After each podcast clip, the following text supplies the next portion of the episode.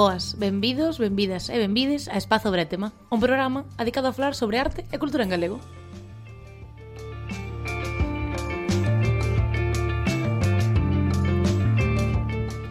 Hoxe estamos moi contentas porque estamos de novo presentando o segundo programa. Mm. Isto é unha novedade, vale, non, non é unha novedade, unha mini novedade. Eh, agardamos que non vos olvidades de nós, que estedes moi contentos de vervos de vernos de novo e que teñades moitas ganas de oírnos. Os estamos de novo en na Radio Ames. Estou outra vez nerviosa, estou nerviosa de non volver a decir ben o teu apellido, Marina. Por favor. Esta vez sí, eh. Tranquilízate, Sandra. A verdade é que non. Vale, a ver. Vale facer moi ben. Eh, ou non tampouco. sabes, tampouco, facemos mal non pasa nada, pa diante todo. Bueno, ben, eh, estamos aquí en Radio Ames, tamén estamos en Spotify e en YouTube. Bueno, en iVoox e eh, un montón de plataformas por internet, pero bueno, en aquí nos vedes en YouTube que estamos guapísimas. Estamos en todas partes. Efectivamente. Bueno, presento de novo as miñas compañeras por se vos olvidou o seu nombre. Espero que non. aquí a miña esquerda, Jennifer Novoa. Hola. Redoble de tambores. Marina Loureiro. Hola. Ben. Vamos. Vamos. Bravo, Sandra. Ben, despois desta presentación casi pff, magistral, o sea, Uf, de feito eu creo que me van dar un premio ao final do día sí. solo por esta presentación. Bueno, pensarémolo. vale, perfecto. Ben. eh, hoxe a diferencia da, do programa de fai un mes, eh, buf, fai un mes, sona, sona moito. Fai moito tempo, eh. Sí, eh, vamos a falar sobre eh, un tema concreto, non só da historia da arte como concepto, o outro día como presentación, non só para presentarnos quen haremos nós, sino cal é a nosa disciplina, en que traballamos, etc. Entón, o tema de hoxe é eh, para falar sobre o que queda fora dos libros de historia da arte, que non podedes encontrar, bueno, esperemos que cada día máis e máis, pero que non vamos a encontrar, que cousas se foron eh, engadindo porque non estaban dentro de, do que conocemos como historiografía común, etc. Entonces, bueno, vamos a intentar que sea como medio dinámico, con ejemplitos, que sea divertido, bueno, vamos, que isto non sea unha chapa teórica, en fin. eh, entonces, bueno, eu quero que nadie se pelee, pero creo que alguén empece con un ejemplo.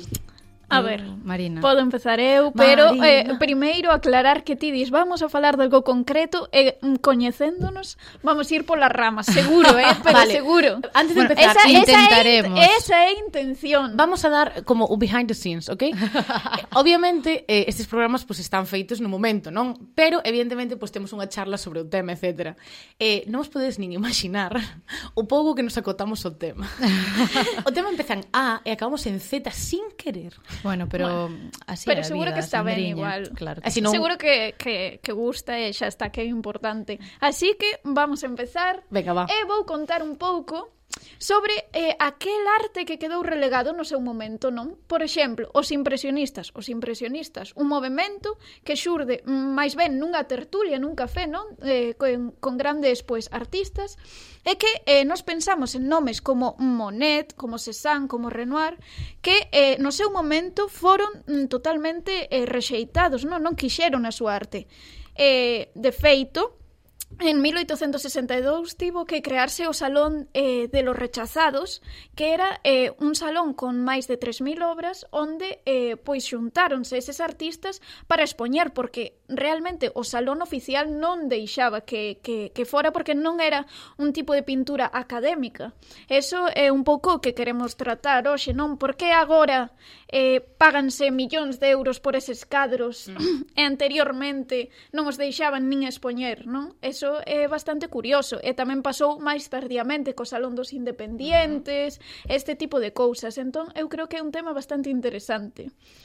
Totalmente. Sí, dende logo. Aparte, eh, é interesante o que comentas ti, non? Que foron excluídos eh, dese arte académico por a, por a súa maneira de expresarse, pero nesta categorización de do que estaba ben e do que estaba mal, do que era aceptado e o que non, tamén hai que hai que eh, ter en conta que non só se rechazaron obras polo tipo de procedimento porque, bueno, pois porque non se adecuaba ao gusto da época, non? Que aquí xa entramos a analizar mm. eh, o gusto e como vai evolucionando co paso do tempo.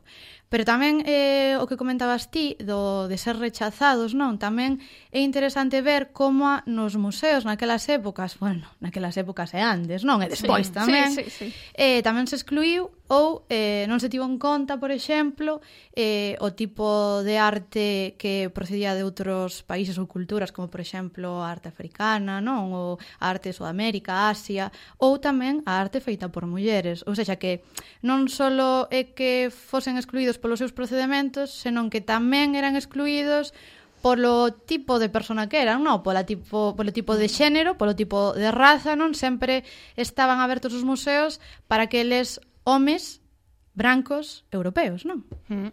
Ademais, recollendo como cable do gusto, non? En plan, así collo así literalmente, o gusto además edúcase. O sea, eh, eso daría por como para outra conversación bastante máis larga, pero o gusto non é subxetivo en realidad é bastante, perdón, non é obxectivo, é subxetivo, pero está bastante educado. Eh, gustanos o que nos ten que gustar porque mm, o vemos na tele, porque o vemos eh, en Instagram, pois isto pasaba igual, pero que a academia. Se a academia diu que isto gusta, tenos que gustar e ten que facelo todo o mundo. E, eh, por exemplo, o paisaxe que ora nos encanta, nos parece super bonito, e eh, un montón por Santiago de cuadros do paisaxe, había durante moitísimo tempo eh, era un xénero menor. Eh, bueno, importante, había xéneros maiores e menores. Claro Eh, entonces, moitos artistas como Claudio de Lorena, si, mm, si noso editor, nos pon aquí unha foto. Hola, editor. Perdona, hola, editor. Estásme cambiando xénero, Sandra. Eh, perdona, editas solacas. Ah. vale, vale, vale. Pois pues vamos a mandar un biquiño a Nico. Xa empezamos sí. cos biquiños. É que non se pode parar nesta casa. vale, en fin, que Claudio e Lorena empezaba a facer como uns xoguiños, non? Poñache unha escena de xénero ou de historia en pequeñito e poñache de fondo un paisaxe. É dicir, moitas veces na historia, a pesar de que o gusto non fose ese, xogabas, había trucos. Despois chegan, pois, Friedrich, eh, Turner. Turner, hai 50.000 que lles encantaba. Vedes, xa, xa cambiamos de gusto. Hmm. Ao principio non gustaba e ao final eran grandes obras maestras. Sí, sí, sí, e de feito, Sandra, relacionado co que dixeches ti dos bodegóns, é curioso, bueno, eu sempre eh, recollendo cable pro que me interesa, non? Pero uh. eh, no caso dos bodegóns, a realidade é que moitas das mulleres artistas facían bodegóns. É curioso como o bodegón sempre foi considerado como un arte menor, un arte que eh, facíase como bueno, ca intención de practicar, sí. non? É unha práctica mm. para despois facer a obra real, non? E sí que se tomaban conta esa, eses bodegóns feitos por homens, pero por mulleres non. Eso é curioso tamén, non? Que xusto as grandes artes, as grandes disciplinas son artes nas que o home dominaba eh, esas materias, non? E que ademais incluso cando vas a un museo, como dis, hai moitas obras de bodegón que son de mulleres. E ti sigues pasando por diante dos bodegóns e nin te paras. Non Eh, eso pasa, hai unha sala do Prado que é casi todo bodegón, so todo. Eh, eu creo que non se para ninguén. E despois son casi todo mulleres e son obras increíbles. Sí que sí. son.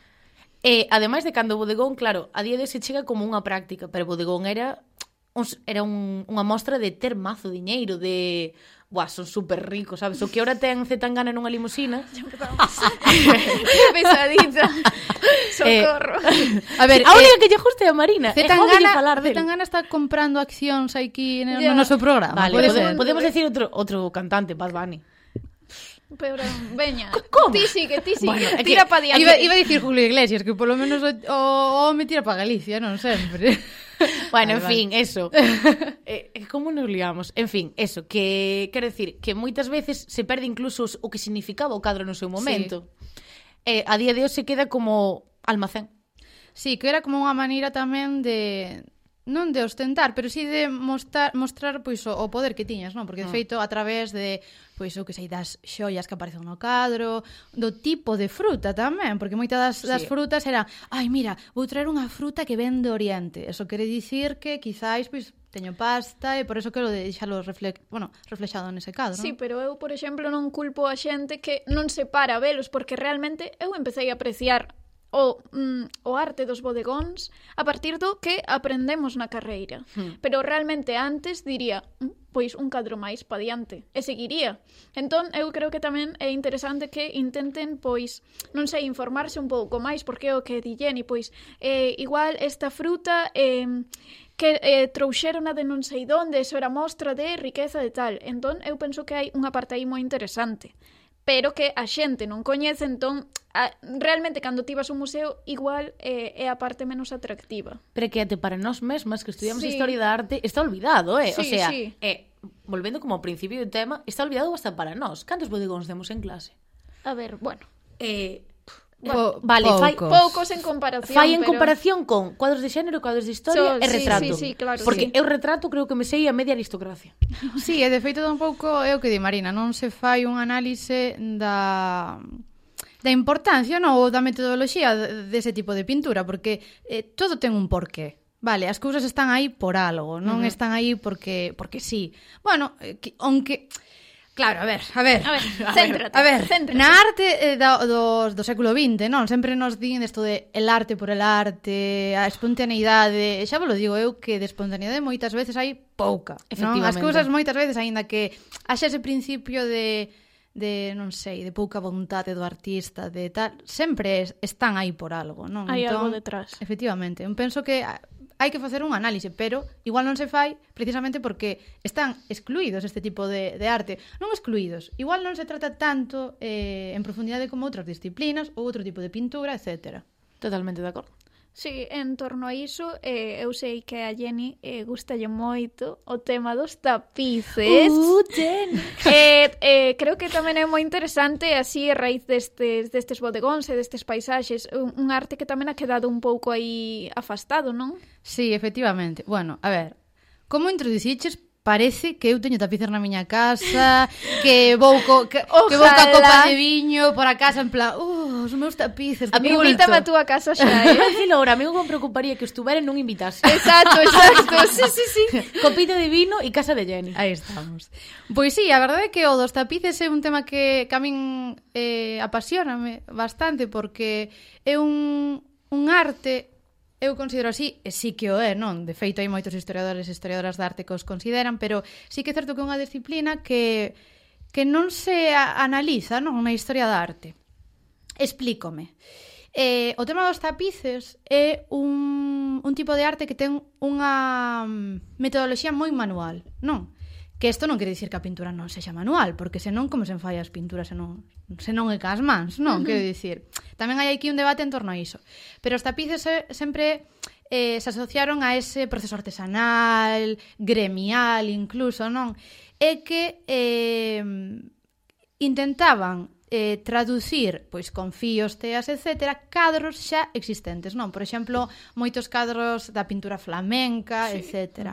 Entón, eh, tiñase en conta ou considerábase a obra de arte o que é a pintura na que se basaba, pero o tapiz non. E isto, baixo o meu punto de vista, penso que é un erro, porque é unha das artes máis laboriosas que, de feito, aquí en España Despois Marina seguramente que nos fala de cansos puntuais aquí en Galicia, pero aquí en España eh, temos o Museo da Colección dos Tapices na Granxa de San Ildefonso, maravillosa, por certo, e temos eh, tapices eh, de Isabela Católica, mm. Patrimonio Nacional fai poucos anos eh, fixo unha puja. Eu agora mesmo estou me imaginando a Patrimonio Nacional como isto da Casa de Empeños, en plan, parece falso, Mike. Rick, Rick. ¿Sabes? En plan, parece falso, Mike. Rick, parece falso. Eso, Rick, Rick. Rick. Eh, bueno, pois Patrimonio Nacional fíxese cuns tapices de Isabel a Católica maravillosos. De feito, invítovos, convídovos a que vayades a velos. E, e claro, son pezas que, aínda que teñan esa parte de obxeto ou decorativo, tiñan unha parte devocional, porque esos tapices eh, transportábanse con ela. Uh -huh. Ela, pois xa, xa sabedes, iba dun lado para outro, eh, bueno, co seu marido ou, ou sola, non? Efectivamente. Entón, tiña eses tapices e ela facía o culto con eses tapices. Ou seja, que estamos falando dunha obra que, aparte de ter a súa eh, importancia como xeto artístico ou como xeto como tal, senón que tamén tiña unha función eh, Devocional. Pues, devocional, efectivamente. E despois a, a, o, o, o valor que tiña ese tapiz, non? Estaba feito con fíos de ouro, etc. Entón, por que non se fala desto nos libros? sí que o nombran, por exemplo, Gombrich eh, no seu libro de Historia da Arte, pero moi pouco. Pola serialidade, por exemplo, isto ocurre con moitas obras que dividen entre arte, arte e artesanía uh -huh. porque se producen en masa. Eso pasalle eh, a maioría de artesanía que Sargadelos, por exemplo. Pero, dime, dime. Claro, Sandra, pero relacionado con isto, eh, é que, por exemplo, a arte de Andy Warhol... É que iba a dicilo agora. O do pop art... Habíamos roto con eso, pero eu vou máis alá. En serio, logo... en ninguén duda de que sexa arte. No, no, vou máis alá. E logo o traballo digital, que se poden facer copias infinitas. Tamén, por exemplo. Entonces eso non é arte. Un traballo de diseñador gráfico non é arte porque se pode facer de maneira serial. Xa, pero aparte, no caso dos tapices, eu penso que, claro, en, na Idade Media xa sabedes que a consideración dos artistas era algo que, que chega despois, non? Co, co Renacimento, no século XV, mm. etc. E que hai na Idade Media ese, ese agrupación por gremios, etc. E dá casualidade que os tapices moitas das veces estaban feitos por mulleres tamén. Como moita artesanía, realmente. Efectivamente, non? Entón, moita xente dirá, bueno, xa estades cas mulleres, non, pero é unha realidade. Sí, sí, totalmente. Totalmente. Está aí. Mm. Vos, por exemplo, que é o que che estaba a preguntar a ti, Marina, eh, Contanos onde pode a xente, por exemplo, ver tapices aquí en Santiago de Compostela. A ver, eu recordo que aquí no Museo da Catedral que ás veces dicimos, Va, vamos á Catedral. A Catedral em, ten máis que ir á Catedral en sí, aí a ver o Santiago Apóstol, quero uh -huh. dicir. Podedes ir ao museo e ali vades encontrar xoias eh, bastante importantes. Entre elas, hai unha colección de tapices eh, bastante tocha, digamos, eh, así falando mal. eh, Rápido e pronto. Claro, que ten, por exemplo, eh, tapices feitos a partir de cartóns de Rubens. O sea, increíble, sabes? Sí. Eh, eh, non se fala diso, e, eh, de feito creo que hai como outros 12 de, de Goya, tamén eh, dun, de deseños de Goya. E eh, non, non coñecemos que este aquí, en, é moi moi moi complicado eh, mm, encontrar a alguén que diga ah, sí, eu fun a ver os tapices do Museo da Catedral. Xa, verdade? Hombre, non sabía sí. nin eu que estaban aí. Ah, pois moi ben, Sandra, pois imagínate. pois mira, xa, xa tes plan para o próximo día. Vas ali vamos e... Vamos a ir xuntas, e conto. Vamos. Vamos contar. Vamos. Perfecto. De feito, Bueno, a que nada. xa estou parecendo como se fose unha youtuber, non? De feito, podemos facer unha quedada de espazo bretema, xuntarnos no Bradoiro, ir todos xuntos ao Museo da Catedral. Eh, Marina, tu guía Socorro. de confianza. Bueno, en plan, no, por favor, por favor. Eu vou soiña, sí. Mira, de feito, traía un dato aquí que eh, pareceme moi interesante para que vexades que se fala pouquísimo dos tapices, eh, en concreto a colección de tapices da Coroa de España, que é a que temos na, gran, na Granxa de San Ildefonso, uh -huh. que a Granxa de San Ildefonso é como o Versalles español, non? eh, é certo, é certo, sí, sí, é así. Sí, sí, sí. Pois é a colección máis rica do mundo xunto ca de Viena. Ou seja, estamos falando dunha das coleccións máis importantes do mundo. Sabíamos. Esto. Pero non nos sabíamos ni tampouco llevamos a dar importancia. Por que, Sandra? Ilumíname. Non, non, porque estaba clarísimo que estamos pondo encima da mesa. O problema sería que hai que facer para que sexa o contrario. Me, me eh, refiero... Eh, o currículum de bachiller é moi reducido xa. Eso non é máis que facerlle. Non hai casi mulleres como para meter tapices, imagínate. xa. Eh, xa. E despois na nosa carreira, é que eu creo que tapices non vimos. Non, no. non vimos. Vimos cartóns de Goya. Mm, sí. É o máis cerca que sí. podemos estar sí. de ser un previo a un cuadro, por exemplo. Sí. Pero nin siquiera vimos eso. Entón, bueno, que aquí poderemos ter unha conversación paralela de que non vimos na carreira. Outro programa tamén. Non, sí, é que non chega, eh? é certo. Mira, eu vou ser sincera. Eu cando fon á granja de San Ildefonso, eh, estábamos en camiño de ser historiadoras da arte, o sea, que temos excusa, vale? vale? Pero eu non sabía que tiñamos a colección de tapices da Coroa de España ali. No, eu cheguei para ver a o que o, o monumento a nivel arquitectónico. Despois atopeime con este museo uh -huh. e abrolleume. E de feito, a guía que vamos lle dar eh, un premio a ela tamén, eh, fixo moi moito in, eh, fincapé eh, en que estaban realizados por mulleres. Sabes, eso gustou. Ah, bueno. Eso gustou. Eso está... Claro, porque aínda que nese momento non se tuvera, como ben Jenny dixo antes, ese concepto de artista, Hai moitas mulleres que destacan, por exemplo, eh, na inumilación de Biblias sí. e máis de manuscritos. Mm, as monxas. Son moitísimas as mulleres sí, as que, sí, sí, as que sí. fan. E son traballos exquisitos, eh? eh recoñendo tamén o tema de usar pan de ouro, etc. O sea, son traballos moi minuciosos, moi traballosos.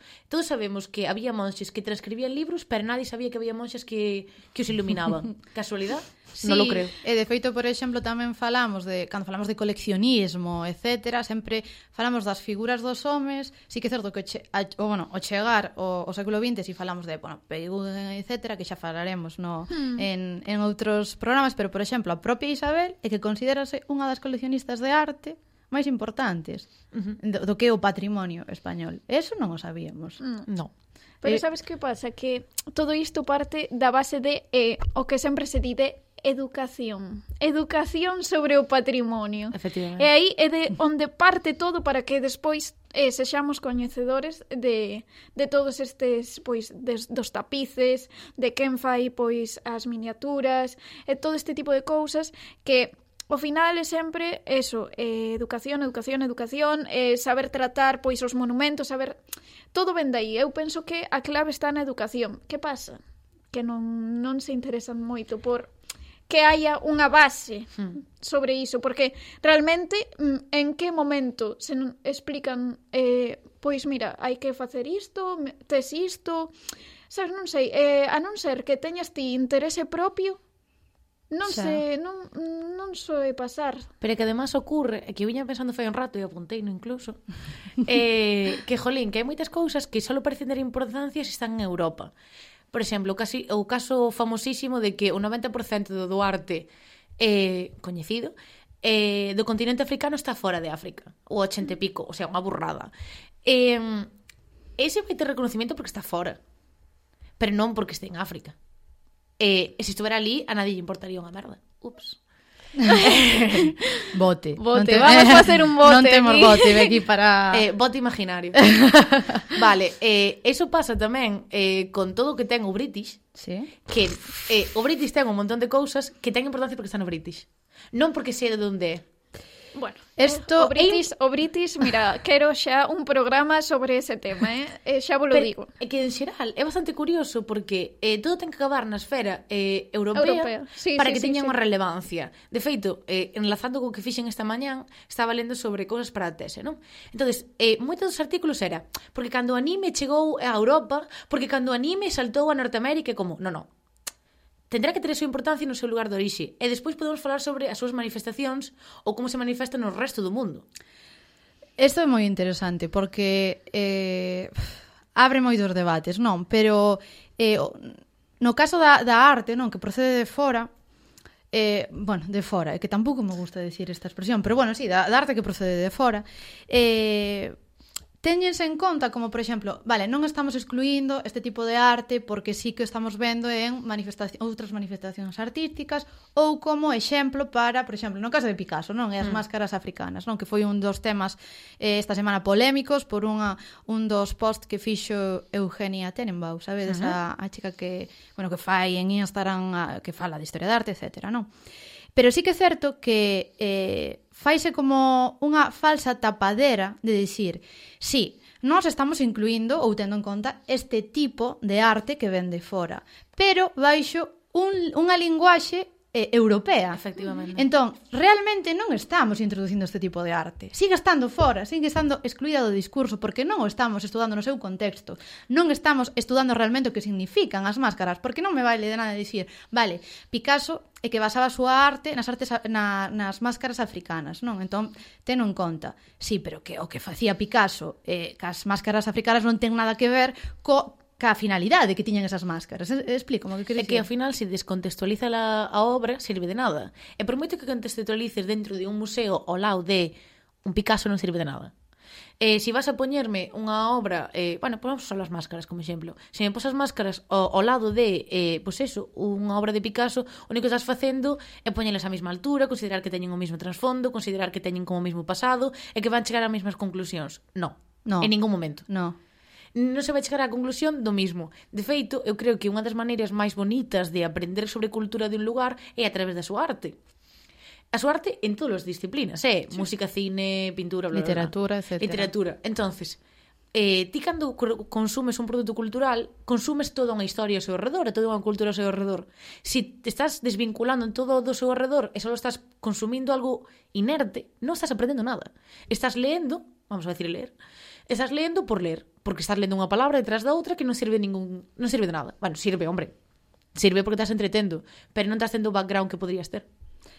Pero sí. o final é todo o contexto. O contexto sí. é importantísimo e ás veces queren que esquezamos o contexto ou separar este tema de separación da artista da obra eh, temos que ter en conta que o contexto é moi importante para poder eh, analizar e comprender o porqué desa obra, o porqué, porqué eh, o artista era así, entón eh, reproduciu, o sea, expresouse desta maneira non nas súas obras. Entón, non sei que opinades de, dese tema de separación artista-obra? A ver, bueno, queres ir ti? Vale, vamos, vamos pois. Eu creo que non se pode separar en ningún momento en relación ao que acabo de decir, eh, carecería de sentido pero si sí considero que hai que saber cando xulgar ca moral actual certas cousas do pasado. Efectivamente. É dicir, eh, non podemos xulgar que a nosa moral a un artista medieval. Non o vai a ter. Pero ni siquiera podemos tomar esas mismas decisións cun artista do 17, 18 e 19. No, no, para porque a sociedade cambiou. Ben, cando podo xulgar que a miña moral a un artista cando se, o sea, un artista cando sea contemporáneo a min. A partir de aí as súas accións serán reprobables ou non para min, pero eh, non antes. Que vai a pasar? E entre, entre a famosa pregunta de eu vou consumir a súa arte ou non?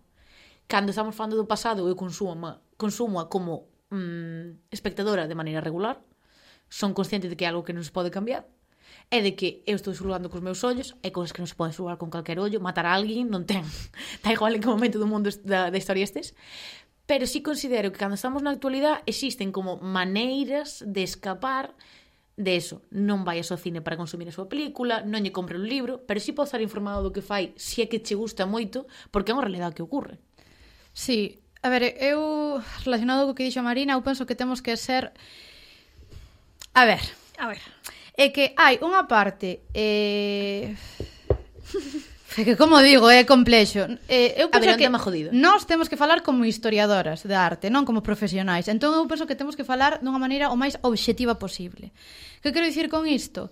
Que agora mesmo estamos eh, nunha realidade na que existen moitos ofendiditos.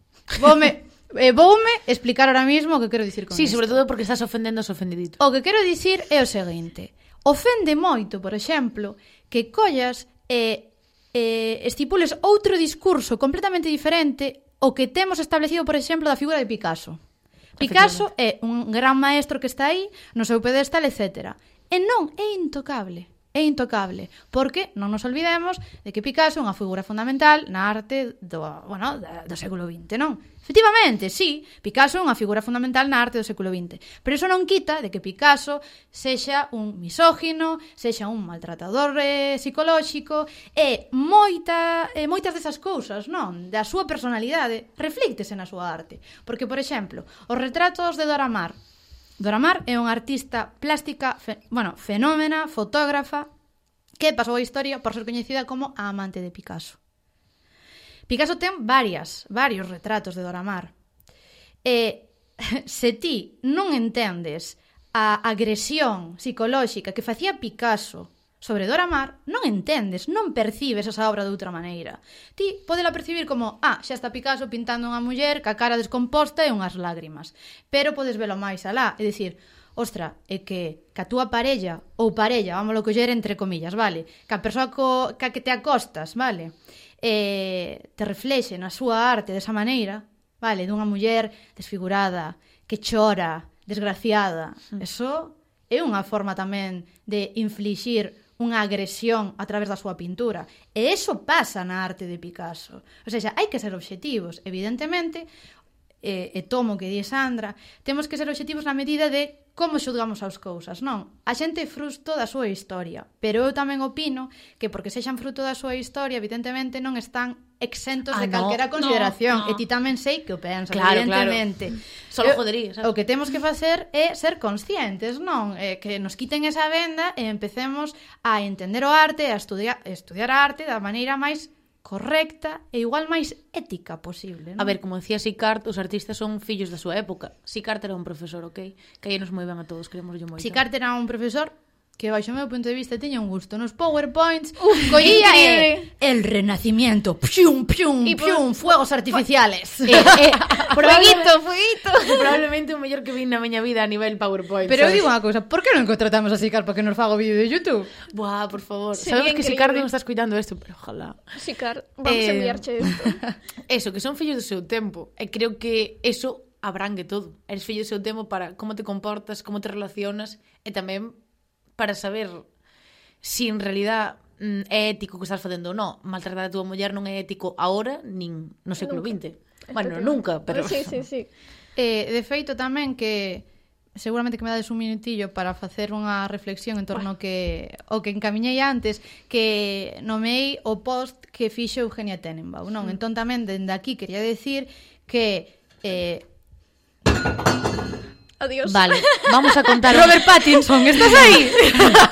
eh, vale, vamos, aquí. vamos contar unha historia. En realidad temos a alguén aí que nos está facendo os efectos especiales. Entonces, eh, ahora mismo vai sair un pouco de fueguito de fondo. No, pero en serio, eh, temos unha botella. Que unha botella. Pero Chao. a, opci a opción de ter alguén secuestrado aí, guai, é a miña opción favorita. Se alguén se presta, para ser o seguinte secuestrado do seguinte programa, claro, mandádenos un mail. Deixade en comentarios, queres ser o seguinte secuestrado? Ai, mío, que teño que aguantar. Eh? o que vai dicindo de Eugenia Tenenbaum, eu que diría dicir é que ela propón un novo análise dende unha perspectiva moi persoal, non? Hmm. E foi super atacada, porque precisamente ela dixo que, os, bueno, o título foi que Picasso non eh, non inventara o cubismo, non? E a xente como en plan, oh, como que Picasso non, el arte del século XX, non es como lo, sabe? O sea, un análise de, bueno, a xente entrou en pánico. E o único bueno, a ver. De verdad. O sea, vamos ter que volver a gravar o putísimo programa. Porque bote, bote, bote. Vamos ter que volver a gravar. Estou mirando a cámara directamente para pelarvos. O sea, vamos ter que volver a gravar o programa porque literal está sendo una. Eh, como serie de catastróficas desdichas. Esa, esa, una serie de catastróficas desdichas. Non, non, meña, va, recapitulamos. O que estaba a dicir. Eugenia, o que o único que propón é unha nova lectura da arte de Picasso. Única e exclusivamente, dende un punto de vista persoal, que tamén a xente pois pode dar tamén a súa percepción obxectiva e subxectiva, non? A fin de contas, é o seu Instagram personal. En...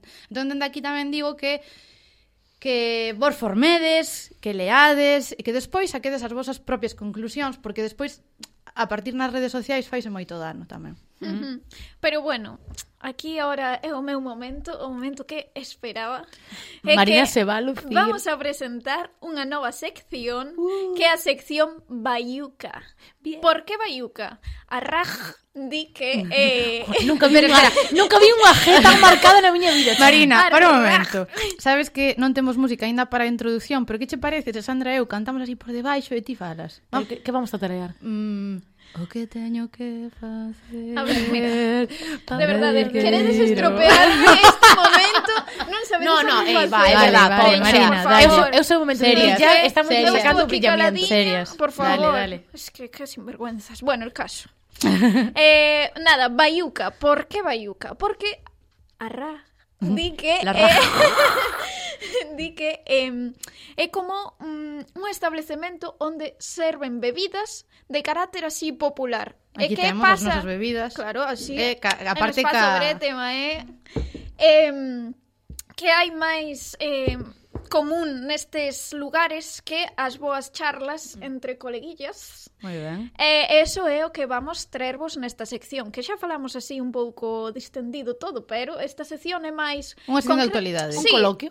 Un coloquio da actualidade do que está a pasar en Galicia. Moi ben. Que está a pasar en Galicia? Pois moitas cousas, pero a nos hoxe interésanos o bono cultural. O bono, bono cultural. cultural que, que, que eu estou enfadadísima porque... Explícanos, Marina, Veña, por favor, que, que é o bono cultural? queixarme, porque ah, primeiro verdade. teño que dicir que non me deu tempo a collelo, estou moi enfadada. Tampouco. Son a única eh, da mesa que o ten. Sí, mm, a mira, mí tampouco me deu deberías tampouco. de regalarnos algo. E, pero eh, que sabe, bueno, iba a contar agora, pero trouxe... milagros a Lourdes, Marina. o, o suposto regalo de Navidad quedado sin el, chaval. Ah, oh. Vale, pues nada.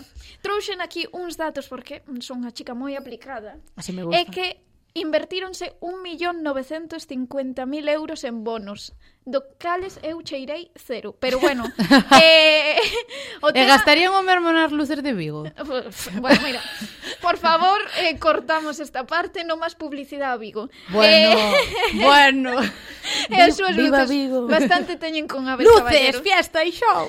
Eh, eh, eh, nada, o tema é que eh, pareceu-nos interesante traervos isto porque Aquí inclúen no, no, nese espazo de cultura temas como o videoxogo o videoxogo, algo que non pensáramos que se iba a incluir mm, mm pensamos en cultura e dicimos, bueno, pois para comprar libros, para ir ao teatro para ir a algún concerto mm. pero mm, este tema parece moi curioso non sei a vos. Efectivamente, de feito é a eterna discusión de Twitter. Hai dúas discusións en Twitter sobre os videoxogos. O videoxogo é arte e, e o nivel de dificultad nos xogos ese tema non estou preparada. Pa... O segundo non estou preparada para tratar. Pero fálanos do... Do primeiro. Efectivamente. Vale, o primeiro sí. A ver, está super interesante porque entra un poquinho na dinámica da conversación de fai un rato sobre algo enrenador, arte, serialidade, etc. Ajá. Bueno, está un pouco na, mismo, na mesma línea, porque ao final mm, o videoxogo é serial, é sirve solo para xogar, o sea, non sirve solo para xogar en realidad, pero bueno, como é a súa función primaria, entonces parece que está como exento de poder ser arte ou cultura, pero non porque algo teña unha función, retomamos a artesanía, eh, ten por que deixar de ser eh, arte. Arte. De feito, cada vez eh, os, xogos, os xogos son cada vez máis elaborados. Xa non son aquelas cousas de catro... catro Mario cousas, Bros, vamos. Claro, Mario sí. Bros, catro, catro, pois catro cousiñas na mellor, eh. pantalla.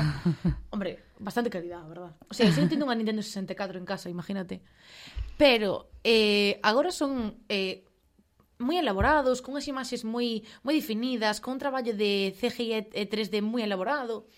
Entón, é bastante curioso porque eh, un, o cine non temos ningún tipo de dúbida de que así o sexa e cumple case todas as mesmas características cumple un videoxogo, excepto pola parte da xogabilidade, obviamente, eh, pero todo o tema das cinemáticas parece que se nos olvida, bueno, non sei sabedes que é unha cinemática, é toda aquela parte como fílmica dun videoxogo Ajá. que non se pode xogar. Eh, e cada vez son máis elaboradas e son casi case por cine. Eso parece que non importa, eso parece que non ten como un lugar. E creo que porque algo teña unha utilidade non debemos como desbotalo a que non se arte. Sí, e de feito, eh, os videoxogos agora teñen tamén eh, esa... Ese, como se di? eh, director creativo, non? Que os fai, o sea, hai un grupo de artistas, non? Que, que teñen, pois, unha vontade de dicir, pois, mira, vamos facer este... A ver, eh, eh, partimos de que eu non teño nin idea de, de videoxogos, vale, pero falo polo que lín, porque mm. ora hai moitas teses tamén dirixidas en Historia da Arte, sí. que fan sobre o videoxogo, ou o videoxogo, eh, a súa relación ca Grecia clásica, por exemplo, non?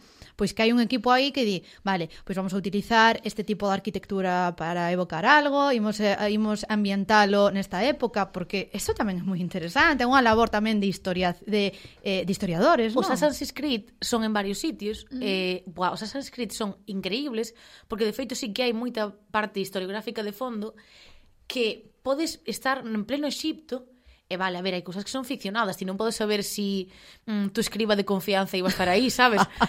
Pero eh, realmente hai un traballo historiográfico de fondo tochísimo e moitos, eh, moitas persoas que se dedican a iso incluso che recomendan xogar para sumersirte en ese mundo. E hai de moitos, eh? O sea, Eu sei que de Egipto hai, pero non sei se hai. Eu creo Grecia. que hai de, mm, do Renacemento. Do ra... sí. sí que hai. Porque, mm, así como anécdota, eh, meu irmán foi a, a, a Italia e di que coñecía cousas por ese xogo, quero recordar. Ah, sí, eu en plan, pois mira. Pois pues, isto é interesante. Bien. Interesante?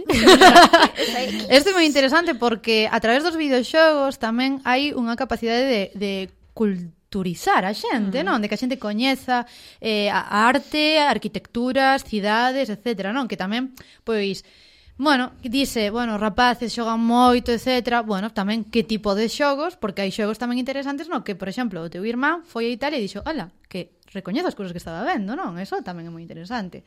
Eu penso, relacionado co bono cultural, que é unha magnífica decisión non que tivo a Xunta para, para incentivar non só o comercio local, senón tamén incentivar a xente xoven a que, pois eso, compra libros, eh, visite o teatro, etc. E penso que é unha, é unha solución é moi acertada co, ca problemática que estamos tendo en moitas partes de Galicia, non? Como, por exemplo, en Ourense. Eh, veño aquí a queixarme po, como ourensana que son, non? A emerxencia cultural que hai en Ourense, a cantidade de eh, sitios de exposición eh, museos, eh, teatros, actividades eh, que han pechado ou que xa non existen ou que non hai ese progra esa programación xa para facelas, eu só digo dende aquí que se nos priman, se nos privan a sociedade de cultura, que nos queda?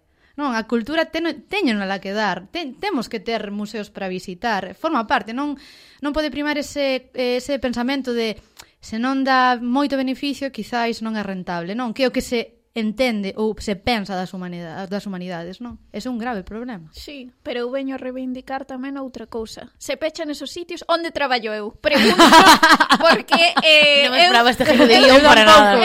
eu penso e digo, mm, preciso diñeiro para comer, sabes, polo menos. Mm. Entón, mm, por favor, eh, sigan mm, apoyando a esta... Pero sabes que vamos a facer? Que pasa? A vender o secuestrado que temos aí. Ah, vale, bueno, Entonces, bueno, agarrar unhas pelillas non vamos bueno, a sacar. Bueno, pero no. aproveitamos tamén eh, bueno, aquí eh, tres chicas que, po que teñen o título para montar exposicións, chamádenos. Eh, Mandámola mon, en 3D, increíble. Increíble.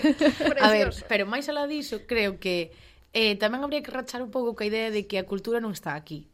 Eh, eh, estou un pouco de acordo no sentido de que hai moitas cousas que só están en Madrid. Do centralismo. Sí. Estás en contra do centralismo. Porque Grazas. Sei que parece unha tontería, pero todas as cousas están en Madrid e en Barna. Bueno, en Barcelona. sí. Entonces, si ti eh, E vou dicir unha cousa, vai sonar a chiste, pero que non é un chiste. É que o Museo do Prado non estaría nunca en Soria. É que é un chiste, pero que non o é, porque non estaría na súa malita vida en Soria. E, e que pasa? eh, tampouco estaría en Santiago. Vale, témolo Cegá, que está super guai, témolo Gaiás, pero realmente... Pero úsense, que se usen esos espazos, non? Bueno, claro, isto sería unha discusión aparte no, no, sobre se no, se usan ou non. Xa, xa. Eh, pero que realmente estamos nun momento no que aquí eh, o fora de Madrid e fora de Barcelona chegan os restos. E que aquí ven a mitad da compañía a bailar ballet. e que aquí ven dous a cantar porque o grupo inteiro fera moito para Renfe o Papa Halbelle de Renfe, sabes? Eh, entón, claro, despois hai moitos comentarios de é que en Madrid tedes máis oportunidades. Home, como non? Claro, eh, aplauso, preso, aplauso, un aplauso. Venga, vamos. Gracias. Eh, pero decidín quedar na miña casa falando en gallego, sorpresa.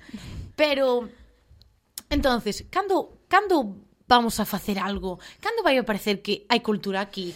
Cando vamos a facer unha exposición que poda competir, non che digo co Museo do Prado, pero cando vamos a poder competir con un museo menor de Madrid? Sí, non, é que aparte Estou enfadada xa. É, eh, é que o cambio non só podemos facer non, si, sí, a xente xo, xoven quere facer o cambio, pero que sí. necesitamos tamén axuda, non? Entón ver tamén que as directivas, que as institucións, etc. non teñen esa iniciativa para facer as cousas, é moi desesperante, non? E sobre todo, eh, que non vos esquecedes de que estades formando a xente, a profesionais na cultura, a historiadores de arte, a, interpretación, a interpretadores do patrimonio, a xente que se adica a facer exposicións, eh, é que hai cultura, hai cousas para facer, hai moitísimos artistas que están a traballar aquí en Galicia, non? Pero é que, se vos fixades, houbo esta exposición de Xipto e dixose, Buah. uh, trouxeron cousas do British, non sei que, entonces estaba petado. Pero estaba petado non, en serio? Sí, sí, sí, non había, eh, mm, había que mm, guardar unha cola interesante. Entón, se só con dicir, "Buah, estas pezas do British non sei que", en plan,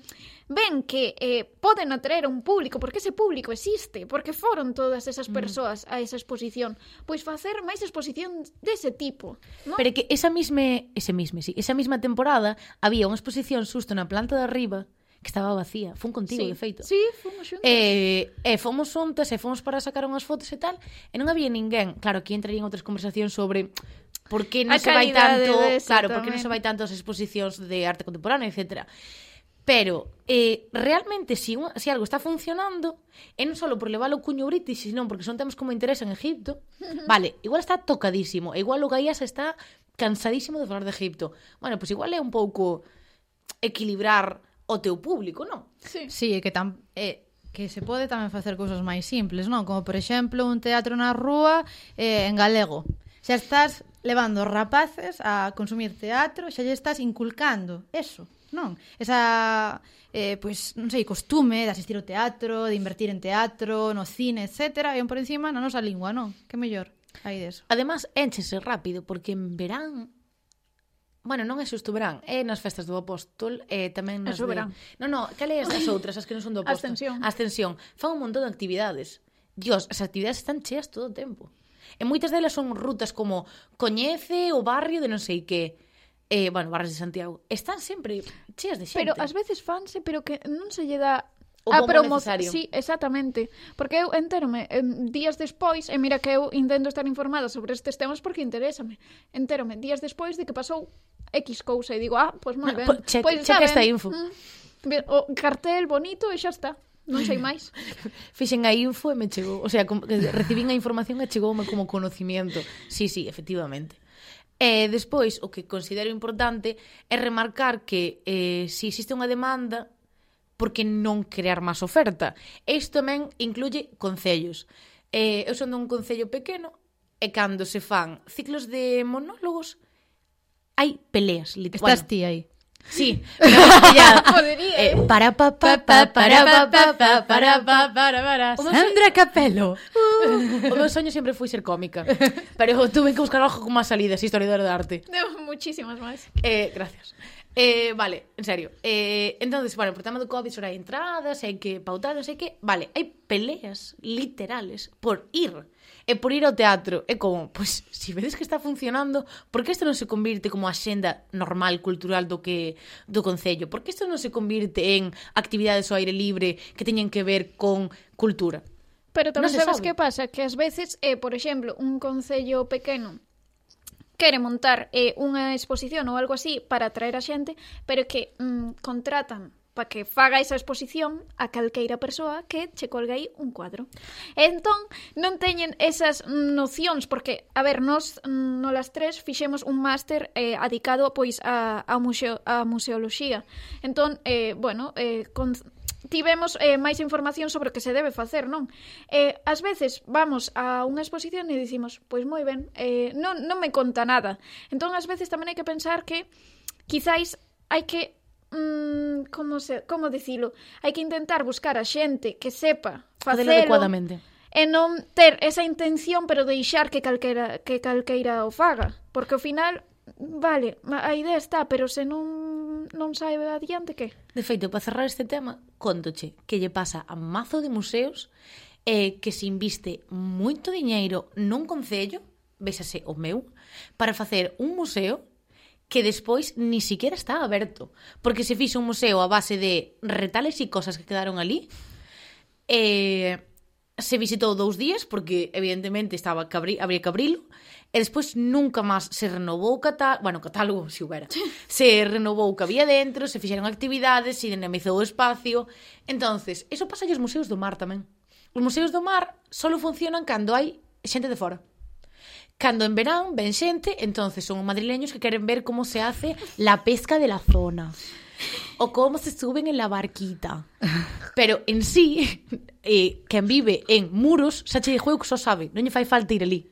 Foi unha unidade de vez e non volviu. E se non dinamices o espacio e faz exposicións novas, xa che dixo eu que eu gastei unha unidade de vez en ir. Dúas creo que non. Bueno, pero tamén... A ver, Sandra, que... como recollo cable ahora, eh? Nada. Eh, bueno, eh, corta, que cortamos se... aquí o programa. se nos está desviando desde Madrid. Veña, Adiante, vamos a acabar co programa xa.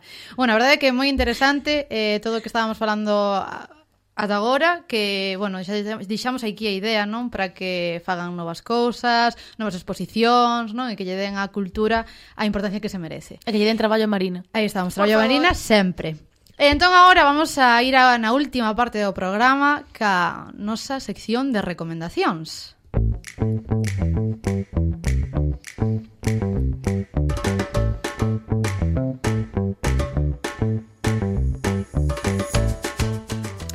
A nosa sección de recomendacións, a miña parte favorita do programa. Ué! É da vida, Leva non todo... do programa, da vida. sí, sí, é unha sí. forma, é unha Leva forma todo o mes pensando nisto. Non, a verdade é que é unha, é unha parte na que falar de, de maneira distendida, que xa o facemos, non? Pero na que somos un poquinho máis eh, nos mesmas, non? Eh, pois mm. eso, que comentando as cousas que nos gustan. A sección de recomendacións, como sempre decimos, é para falar da, de cousas de cultura, xereal, máis alá dos límites territorios da nosa terra. Entón, Eh, Marina, que nos recomendas hoxe? Eh, que aparte estamos a... Bueno, podese dicir vísperas de Nadal xa? Espero que no, porque Mira, estou a ver, as, cansada. as luces de Vigo xa están encendidas. Pois vísperas de Nadal. É que Dinos. odio a peña ah, que Ah, aí, odio a abre. peña que noviembre considera que é Navidad. Eu no, odio no, a no, é. Navidade, e xa está, o Nadal, a mm. Navidad. Ai, mi Censuramos madre. a Sandra, o que ah, acaba de veña, Eu dicir. falo o que queiro. Veña, dale. Nada, pois eu que son así un pouco máis teórica uh. e uh-huh. quero achegar a xente un pouco máis a meterse neste mundillo da arte, eu quero crear unha secta máis ben da, da arte. Eh, que comprei un libro de sectas, que está guapo, eh? eh nada, traio aquí eh, Guía para identificar las escenas y personajes de la Biblia, que é eh, unha forma mm, Que queres velo? Sí. Ah, pois moi ben, pois estou para ti. Eh, é unha forma eh, sinxela de aprender pois os personaxes, as súas variantes iconográficas, os seus atributos, que ao final se queres entender de arte, vas ter que saber sí ou sí, porque eh, vamos a ver, casi todo arte que hai eh, nos siglos, a, a, ao largo dos siglos, é arte eh, que ha promocionado a Iglesia. Sí. Co cal, mm, estos personaxes salen en casi todo. Entón, eu penso que é moi interesante para ter aí a man, a xente que está así máis interesada, historiadores da arte e tal, para ter, eh, bueno, pois ben enganchadiño, é super cuquiño, así pequeniño. É, non Perfecta sei, recomendación. Además, Encántanos. Una... Estábamos, estaba mirando, trae un montón de fotos, é moi ilustrativo. Oh, Home, claro, para que sepas. Sí, sí, no, está super ben. Estamos sorprendendo da recomendación de Marina. Moi ah, ben, bueno, Marina. Nin que fore eu. No, no, no, en plan, ver, super guai, pues, sabes? atente, eh, porque agora traigo algo cinematográfico, wow. eh? Eu. A ver, sorpréndenos, que nos eh. traes? Pois unha peli que hai aí en Netflix que dime Netflix, mira esta peli, eu vou e a miro e digo, ah, mira que ben. É uh. Puñales pola espalda. Bueno, Puñales por la espalda ou mm, sí. en inglés, Knives Out. out.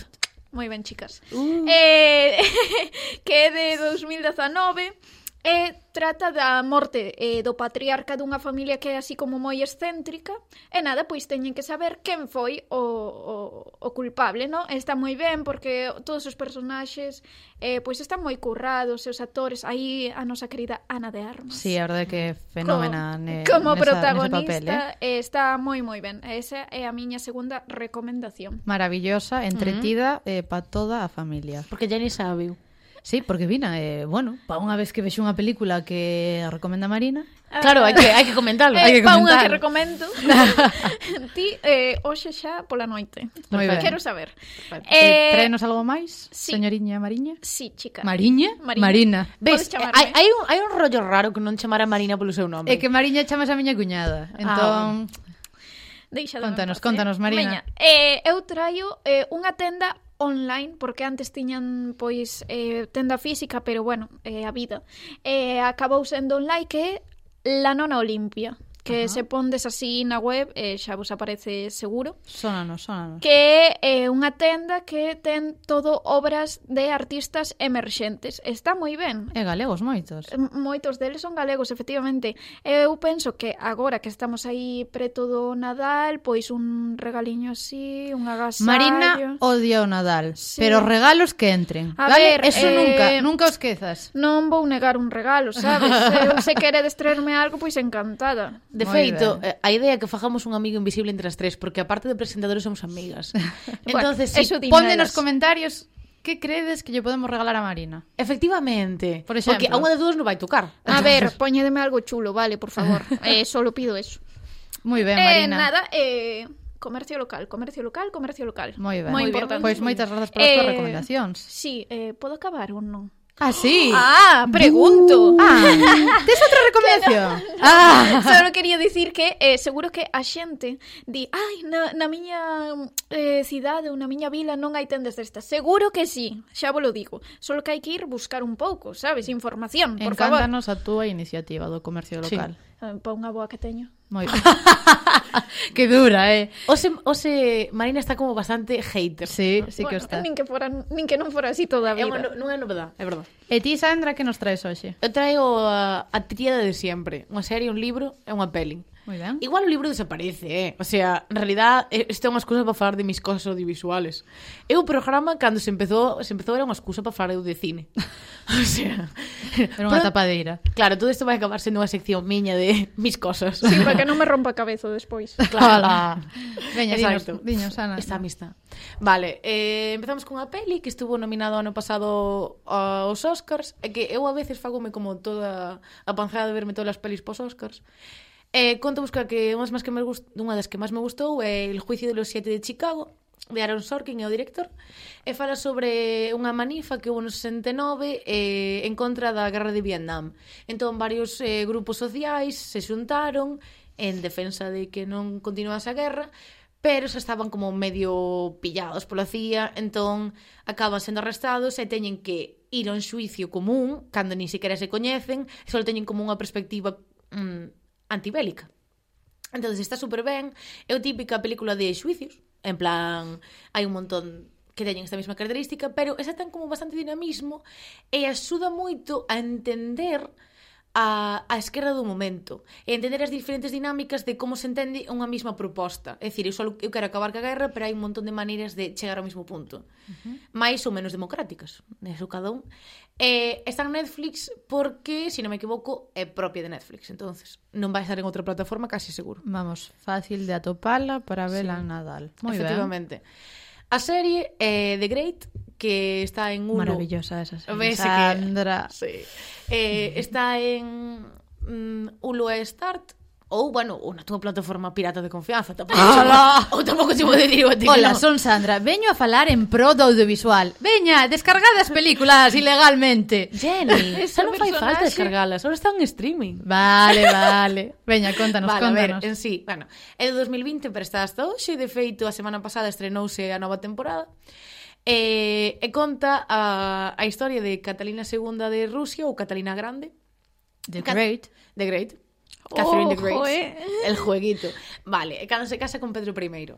En sí, o interesante non é pois, ver o transcurso da historia ou do ou da narración histórica neste caso, que tamén, porque estar ligeramente, bastante, ficcionada, senón o feito da comedia. E os personaxes son divertidísimos, están desdibujadísimos, todos os rusos son brutos, eh, beben muchísimo, eh, e son brutísimos. Hai osos, o sea, non podo pedir máis. Despois está Nicholas Holt. É verdad. E xa está. Non vamos dicir máis. Efectivamente. De verdad, recomendo non sei quen é. O actor principal, Pedro I. Aí está. Eh, mm, recomendámoslo muitísimo porque é a maneira sencilla de se si queres empezar a ver series de carácter histórico, pero queres te rir, e queres pasar un bo rato. Entonces, é eh, recomendadísima, bueno, loquísimo, encántame. Eh, por último, un libro que é Vírgenes, esposas, amantes e putas, que xa lle comentaba outro día as miñas compañeiras eh, que me facía risa porque cando fun ao, a librería miraronme como se estuvera pedindo uf, unha bomba, porque acababa en e putas, e miraronme en plan, hola, eh, pues bueno. eh, de Amarna Miller, que fala sobre as súas vivencias ao largo da súa vida e como o feminismo foi eh, formando parte destas e como logrou explicar moitas das cousas eh, gracias a este movimento. É dicir, vou poñer un exemplo rápido, eh, como eh, nun principio, o mellor, a regla era un problema e un estigma social e como acabou ent entendendo que iso non era un problema, nin era nada malo, senón era parte da, de ser muller. Eh, entón, recomendo moitísimo o libro na, na, polas dinámicas de de sentirte próxima a ela. Porque vas a ver que hai moitas cousas ou moitas eh, formas de, de actuar que tú veches ao largo da túa vida que en realidad son moi similares a outras mulleres e que teñen unha explicación de como nos educan, en que sociedade vivimos ou etc. Entón, recomendadísimo, encántame, eu son a única que nunca trai nada porque me olvido na miña casa, pero bueno, finjo que eu teño aquí.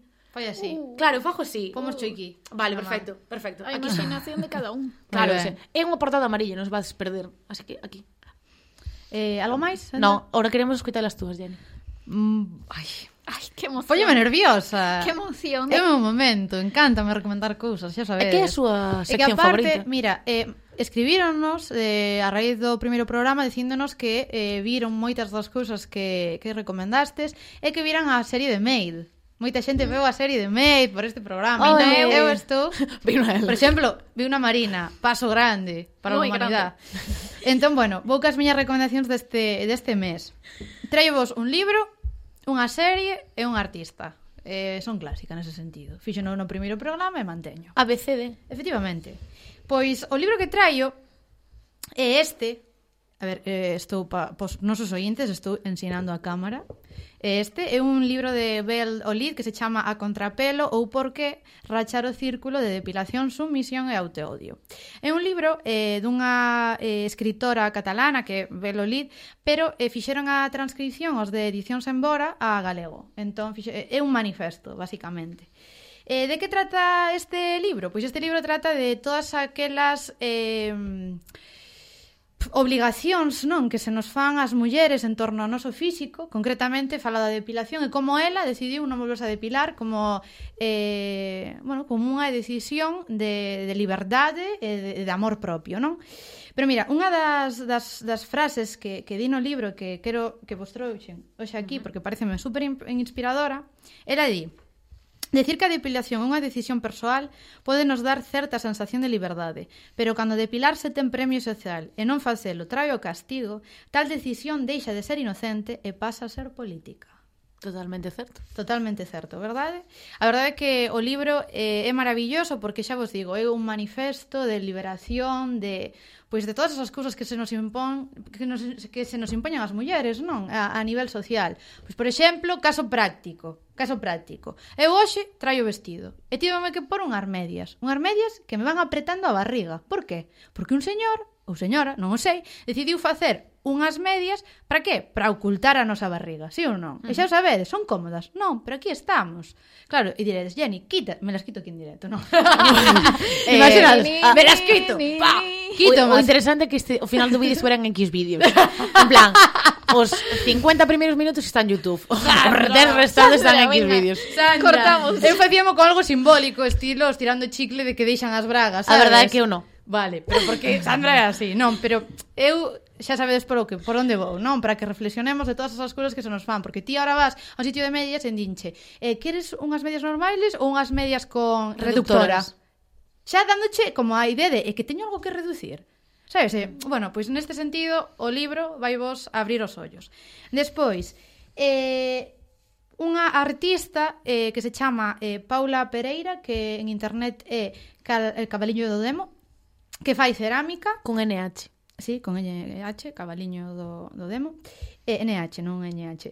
E, eh, é artesán e ilustradora, fai pezas cerámicas, a verdade é que é maravillosa, ten unha peza eh, que é basada nun, eh, nun texto de, de Xela Airas, que xa sabedes que o Día das Letras Galegas mm. foi... Mm eh, bueno, dedicado sí. a esta autora, así que recomendo vas, eh, recomendo -a. E despois, eh, de serie, eh, rápido xa para rematar o programa, eh, This is England, que a podedes eh, atopar en Filming, É unha película que ambientase no, no, no ano nos anos 70 vai sobre o goberno de Margaret Thatcher, a contracultura, o movimento punk, os skinkers, etc. E despois fixeron unha serie que é This is England, 1986, 1988 e 1990. Maravillosa, tendela en filming para, pois eso é eh, unha serie moi social, non ten ese carácter social que tanto nos gusta. Así que, bueno, eh, esperemos que estas recomendacións pois vos sirvan pois para ideas de agasallos, para ver eh, películas ou series en familia. Correcto. Eh, para ler vos ou para comprar libros para tamén para Nadal. Mm. Para eh... que me eh, regaledes algo, acordádevos, eh? Eso. E para usar o bolo cultural. Si todo está cerrado. Si está todo cerrado. Está perfecto. Es que, é que pensámoslo todo. Bah, fliparíades, eh? E, e nada, eh, a verdade é que esperamos que vos gustase o segundo programa Xa nos diredes a través de, de Youtube que vos parece eh, Que vos pareceu Marina que a súa recomendación do libro que vos pareceu Sandra, cas vos recomendacións sempre audiovisuais. Eh, e nada, cosas. Eh, pois nada, a ver se, se Juan nos pon esa música para ir rematando o noso maravilloso programa. Uh -huh. eh, grazas, chicas, eh, gracias sempre... a ti. Non, grazas ás tres por estar aquí exacto, e facer exacto. este programa. Al e grazas público. a todas, eso, o público, os ointes e a xente que nos está vendo. Moitas grazas, saludos, vamos a saludar a cámara. Chao, chao. Este, este día non, hoxe non temos biquiños. Sí, sí que temos. Que biquiños, veña. Sí, por Rápido, favor. Sandra, biquiños a Eh, quen? biquiños a miña mellor amiga Noelia. Xa está, é o que? E xa está, e, o sea, eh, xa está, pa no, Noelia todos. Pa Noelia, vale, todos os biquiños do mundo non. Non. Bueno, eu mandolle un, pero outro mandolle a miña avoa. Que, no, espera, podemos que... facer un mini biquiño a Nico. Mi, vale, veña. Nico, mandamos un biquiño sí. grande por editarnos este vídeo e poder subir o vídeo de YouTube. E a por miña supuesto. abuela, a miña abuela Reme e a miña madriña, que son mulleres, as, as mulleres da miña familia. Moi e as mulleres das vosas eh. tamén. Veña. Hombre, pois pues claro. As mulleres da familia Paula. de Juan tamén. Exacto, exacto, exacto.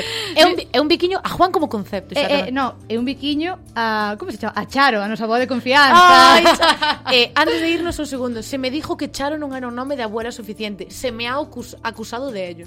Por qué? No sé, vos sabredes.